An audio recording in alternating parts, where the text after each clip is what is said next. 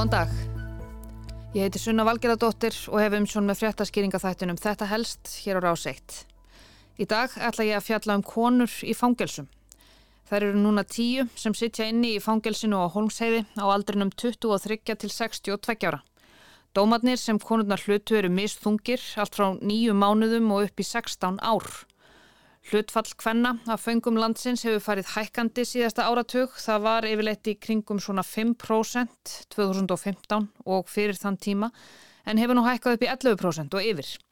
Holmsheiði er einlega eina fangelsið sem er í bóði fyrir konur þó að í einstaka tilfellum þá séu þær vistaður á sogni sem er skilgrend sem opið fangelsi en það er ekki algengt. Umbóðsmaður Alþingis segir í nýri skýrslu að mögulega sé tilefni til að taka ólíka stöðu karla og kvenna í fangelsum landsins til sérstakrar skoðunar.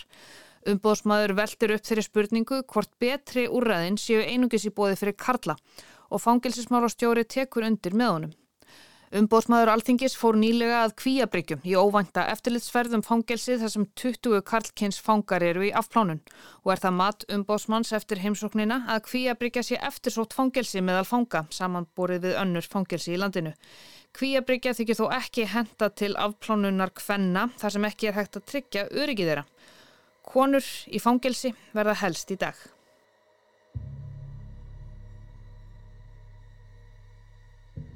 Það er erfitt að vera kona í fangelsi á Íslandi, sagði Sigurður Örn Hektorsson, geðlæknir og yfirlæknir geðheilbriðist heimis fangelsana í viðtali við læknablaði fyrir skemstu.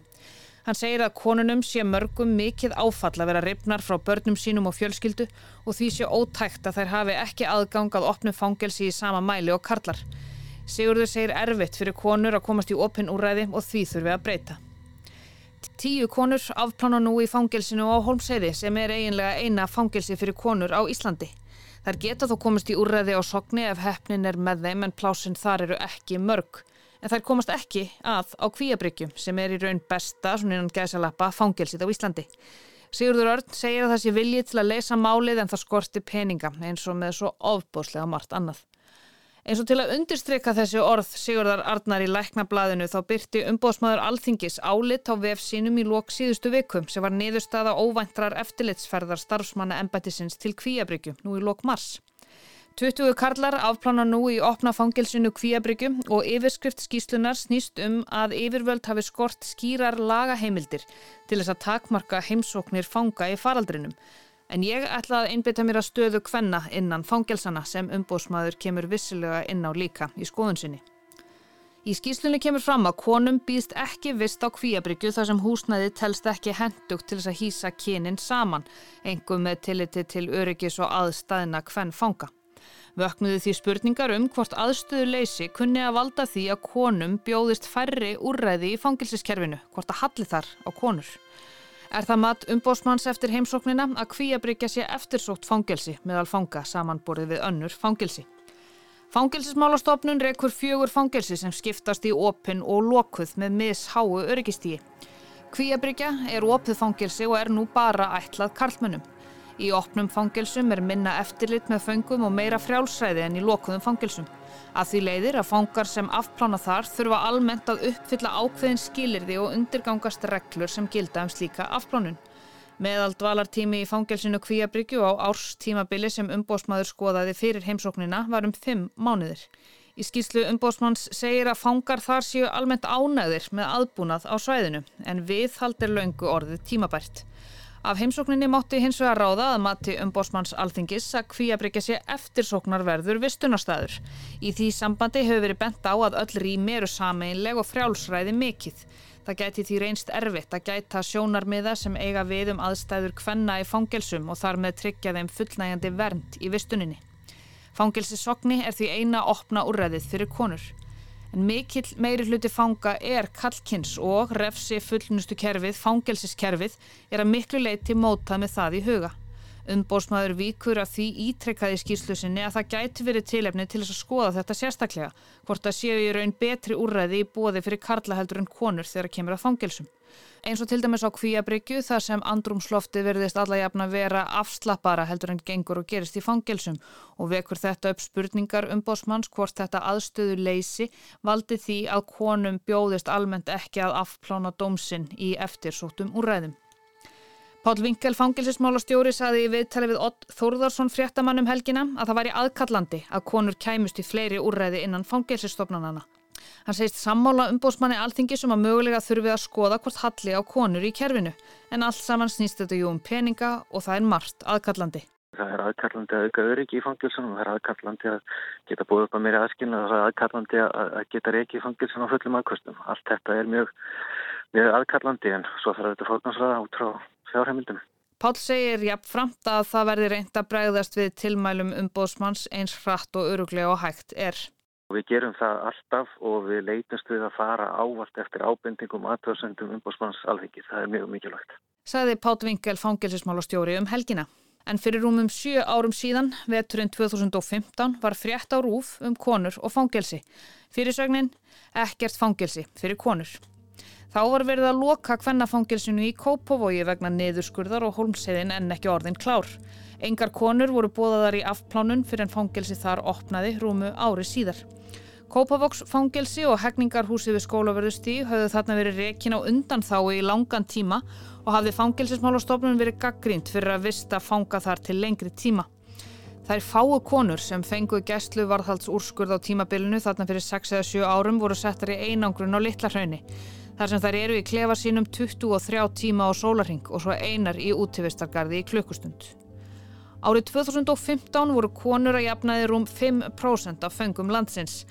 Þar voru þá oftast vistaðar í opnum fangelsum, annarkort á kvíabryggju eða sogni eða í kvennafangelsinu í Kópói.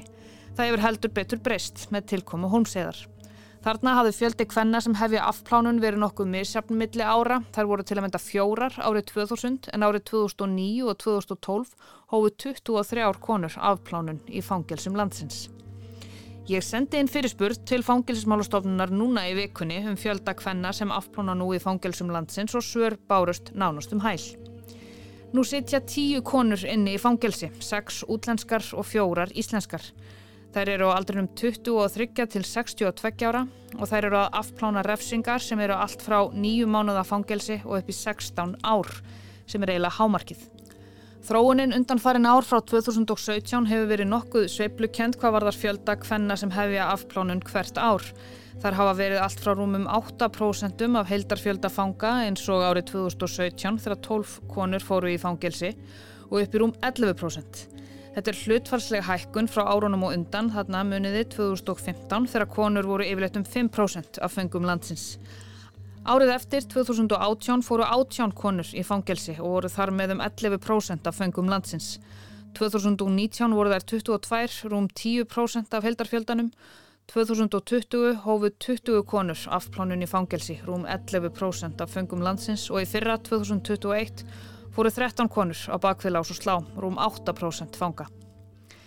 Eins og áður kom fram þá setja núna 10 konur inni að afplána sína dóma en auk þeirra eru fjórar konur í gæsluvarðhaldi eða voru þar þegar svar fangelsismálastofnunar var skrifað þann 5. september.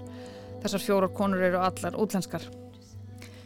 Tímaritt hjúkrunarfræðinga byrti grein í fyrra eftir þær Ardísi Vilhjálmsdóttur hjá heilsugjæslu höfuborgarsvæðisins, Sigriði Halldórsdóttur og Sigrunu Sigurðardóttur hjá framhaldsnámstelt heilbriðisvísindarsviðis Háskólans á Akureyri. Yfirskrift greinarinnar er reynslu heimur kvenna í íslensku fangelsi og reynsla þeirra af meðferðar úrræðum innan og utan fangelsisins. Greinin eru margt áhugaverð og snýst um niðurstöðuransóknar sem þrý ekkið vann og varpar ljósi á sérstöðu kvenna í fangelsum. Ég grýp nú ofan í greinina. Konur sem hafa afplánað refsudóma eiga flestar ef ekki allar áfallarsöguða baki. Þær glýma við flókin vanda sem enginnist af vímuöfnanótkun og afleðingum hennar. Lítið er vitað um reynslu heim þeirra í íslenskum fangelsum og af meðferðarúrraðum innan og utan fangelsisins. Tilgangur rannsóknarinnar er að auka þekkingu og dýfka skilning á reynslu þeirra. Hlutfall hvern fanga fyrir hækkandi í heiminum. Í bandaríkjónum eru hvern fangar um 7% þeirra sem afplána refsi dóm og hefur hlutfallið aukist um 700% á milli árana 1984 og 2014. Hvern fangar sem hafa orðið fyrir áfalli í æsku eru í aukinni hættu á streitu, vannlíðan og lélægra hilsufars ástandi. Þessum fengum er jafnframt hættara við að verða fyrir geðröskun, vímuöfnavanda, átröskun og lenda í kynlífsvinnu. Í grein þar sem tekna voru saman 42 rannsóknargreinar um kynferðislegt ofbeldi og geðröskun meðal hvernfanga kemur fram að engin rannsókn hafi verið gerða því hversu vel staðlaðir mattskvarðar ná utanum alvarleika þess og hversu langvarandi kynferðislegt ofbeldi er gagvart konum sem hafa afplánað refsudóm. Í ljósi þess hversu algengt það er að hvern fangar séu þólendur kynferðislegs ofbeldis hafa sömur rannsakendur gengið svo langt að álekta að kynferðislegt ofbeldi geti varðað leið hvenna inn í fangelsi. Reynslu heimur Karla og hvenna er ólíkur og því eru þarfir þeirra innan fangelsisvækjana líka ólíkar. Það er því mikilvægt að litið sér heildrænt á þarfir hvenn fanga og að konur í afplánun fái meðferði vímuefnavanda sínum og tækifæri til þess að vinna úr fyrri áföllum. Höfundarskíslunar fundu enga íslenska rannsókn um reynslu hvenn fanga af meðferðarúræðum innan og utan fangilsisins. Hvennföngum hefur ekki verið gefin mikill gaumur og samræmist þar rannsóknum erlendis frá. Fáar rannsóknargreinar eru til um sértæka meðferð fyrir konur í fangelsum og beinast rannsóknir þær fáu sem til eru yðurlega að karlföngum eða blönduðum hópum. Konurnar í rannsókninni sem voru nýju höfðu allar leitað sér aðstóðar vegna vímuefnavanda fyrir afplánun. Þar höfðu leitaði flest meðferðarúræði sem í bóði voru hér á landi og höfðu einnig leitað sér vímuefna meðferðar erlendis. Flestar konurnar notuðu vímuefni í æð og glemdu við heilsufarsvanda því tengdan. Konurnar höfðu flestar orði fyrir einhvers konar áföllum í æsku eða á fullorðinsárum og var vímuefna neyslan einhvers konar bjargráð til þess að flýja eða lifa af erfiðar aðstæður. Vímuefna neyslunni fylgdi síðan mikil vannlíðan, depurð og kvíði. Meiri hluti þeirra voru mæður og hafðu mist börnin sín frá sér vegna vímuöfna nótkunnar. Konurnar óskuðu þess flest allar að unnið væri úr áföllum þeirra á meðan vímuöfna meðferðin færi fram þar sem þær töldu vímuöfna neyslu sína vera nátengda þeim áföllum sem þær hafðu orðið fyrir. Þeim fannst mikilvægt að virkara meðferðastarf væri í fangelsum og kvörtuðu undan yðjuleysi sem þeim fannst ekki einungis erfitt heldur einnig auka vanlíðan þeirra og fíkn í vímuöfni. Rannsókn þessi sínir að mikilvægt er að nýta viturlegar en nú er gert þann tíma sem konur afplána refsudóm, til dæmis með því að veita þeim meðferði vímuöfnavanda og við þeim áföllum sem þær hafa orðið fyrir sem börn, unglingar og fullarnar konur. Hjá öllum konunum hafi vímuöfnaneyslan átt sér einhvers konar aðdraðanda. Frásagnir um einelti í æsku, vannrækslu og vímuöfnaneyslu á æsku heimili voru einkennandi. Fjórar af nýju konum greindu frá kynferðisofbeldi í esku en misjamt var hvenar þær greindu frá ofbeldinu og hvernig þær unnu úr því. Skólagangan hafi gengið erfiðlega hjá flestum þeirra, hegðunarvandi og vímuöfnaneysla hafi fljótt sett mark sitt á hana. Einelti og allir því að skólagangan var óbærileg, stríðni og barsmiðar voru daglegt brauð og áföllin skullu á, aftur og aftur. Stór hluti hafði sömu leiðis orði fyrir kynferðisofbeldi. Konurnar urðu fyrir alvarlegu og ítrekkuðu ofbeldi bæði í nánum samböndum og við aðra. Konurnar glýmdu allar við flókin hilsufarsvanda, líkamlegan og gæðrænan, tengdan vímuöfna misnótkun og fyrri áföllum. En rannsóknin sínir hver konur í íslenskum fangelsum geta glýmt við flókin heilbriðisvanda og hver réttlausar og berskjaldaðir þeir geta verið. Hún veitir aukna þekkingu og dýpri skilning á reynsluheimi þessara kvenna sem mæta fordómum innan heilbriðiskerfisins og sínir mikilvægi þess að teki sér tillit til þess flókna heilbriðisvanda sem þær glíma við. Þáttakendur áttu margföld áföll að baki og þurftu á flókinni áfalla miðaðri hjúkrun og meðferð að halda en þeir fengu enga. En fyrir nú aftur til Kvíabryggju og skýrslu um bósmanns alþingis. Fangelsið Kvíabryggja er staðsett á Snæfellsnesi skamt frá grundarfyrði. Yfirvöld kiftu jörðina árið 1951 en frá 1955 var reikið þar vinnuhæli fyrir feður sem skulduðu barnameðlög. Þar hefur verið reikið fangelsi frá árinu 1963. Á Kvíabryggju er pláss fyrir 22 vistmenn alla jafna og er starfsemi fangelsisins reikin í fjórum byggingum. Vistarveru fanga eru í tveimur húsum en þar á auki eru tvö útihús. Engir múrar eða gattavískirðingar afmarka fangelsið og er svæðið ekki öðruvísi afgjert en venjulegt sveitabíli. Í fangelsinu eiga fangar að taka þátt í endurhæfingu og stunda vinnu eða nám og þeir sem eiga við fíkna stríða þurfa að vera tilbúinra að takast á við það. Meðald valartími fanga á Kvíabryggju á tímabilinu desember 2020 til desember 2021 var um 5 mánuðir. Fangelsið er almennt einugis ætlað körlum en þar til nýlega gáttu konur einnig afplána þar. Að ósk stjórnenda hefur að mestu verið horfið frá því þar sem að aðbúnaður býður ekki upp á að kynin séu í aðskildu húsnæði. Þetta stendur allt saman í skýslu umbóðsmanns alþingis um fangelsið. Og þar segir líka Í skýrslu CPT-nemdarinnar frá 2019 er meðal annars fjallað um aðbúnað hvern fanga, meðal annars á Kvíabryggju og vikið að því að stjórn fangelsisins hafi lagt til áallanir við fangelsismála yfirvöldum að stækka fangelsis og undværi að vista hvern fanga í sér álmu, þar sem einnig væri skólastofa, heimsóknarherbyggi og starfsmanna aðstæða. Í svörum Íslenska ríkisins við þeirri skýslu segir að engar framkvæmdir séu fyrirhugaðar við fangelsið en jafnframt að hvern fangar verði ekki vistaður á kvíabryggju. Þetta var í á 2019. Umbórsmaður Alþingis heimsóti fangelsið á Sogni nokkru áður en starfsmenn embættisins fóru á kvíabryggju Þá hafði hann komið þeirri ábendingu á framfæri við fangilsmála yfirvöld að skoða hvort að við vistun kynjana saman í opnum fangilsum væri tekið nekt tillit til aðstæðina, öryggis og þarfa hvenna. Fangilsismála yfirvöld hafa ekki bröðist sérstaklega við því en umbósmaður heldur áfram að fylgjast með stöðum mála, segir í skýslu hans. Svo segir sömu leiðis að með tilliti til þess að nær allir fangarlandsins eru karlar og kerfið mjög mótað af því kunni að vera tilefni til þess að skoða aðstæður hvern fangar sérstaklega. Umbóðsmaður bendir á að konur teljast almennt í sérstaklega viðkvæmri stöðu í hópi fanga og því geti ólík staða þeirra í fangelsum orðið tilefni til sérstakra skoðunar umbóðsmanns alþingis eins og hefur verið gert til dæmis í Nóri.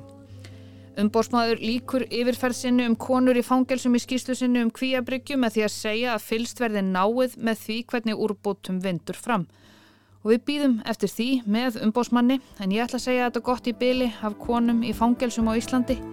Takk fyrir að leggja við hlustir og við heyrumst aftur á morgun.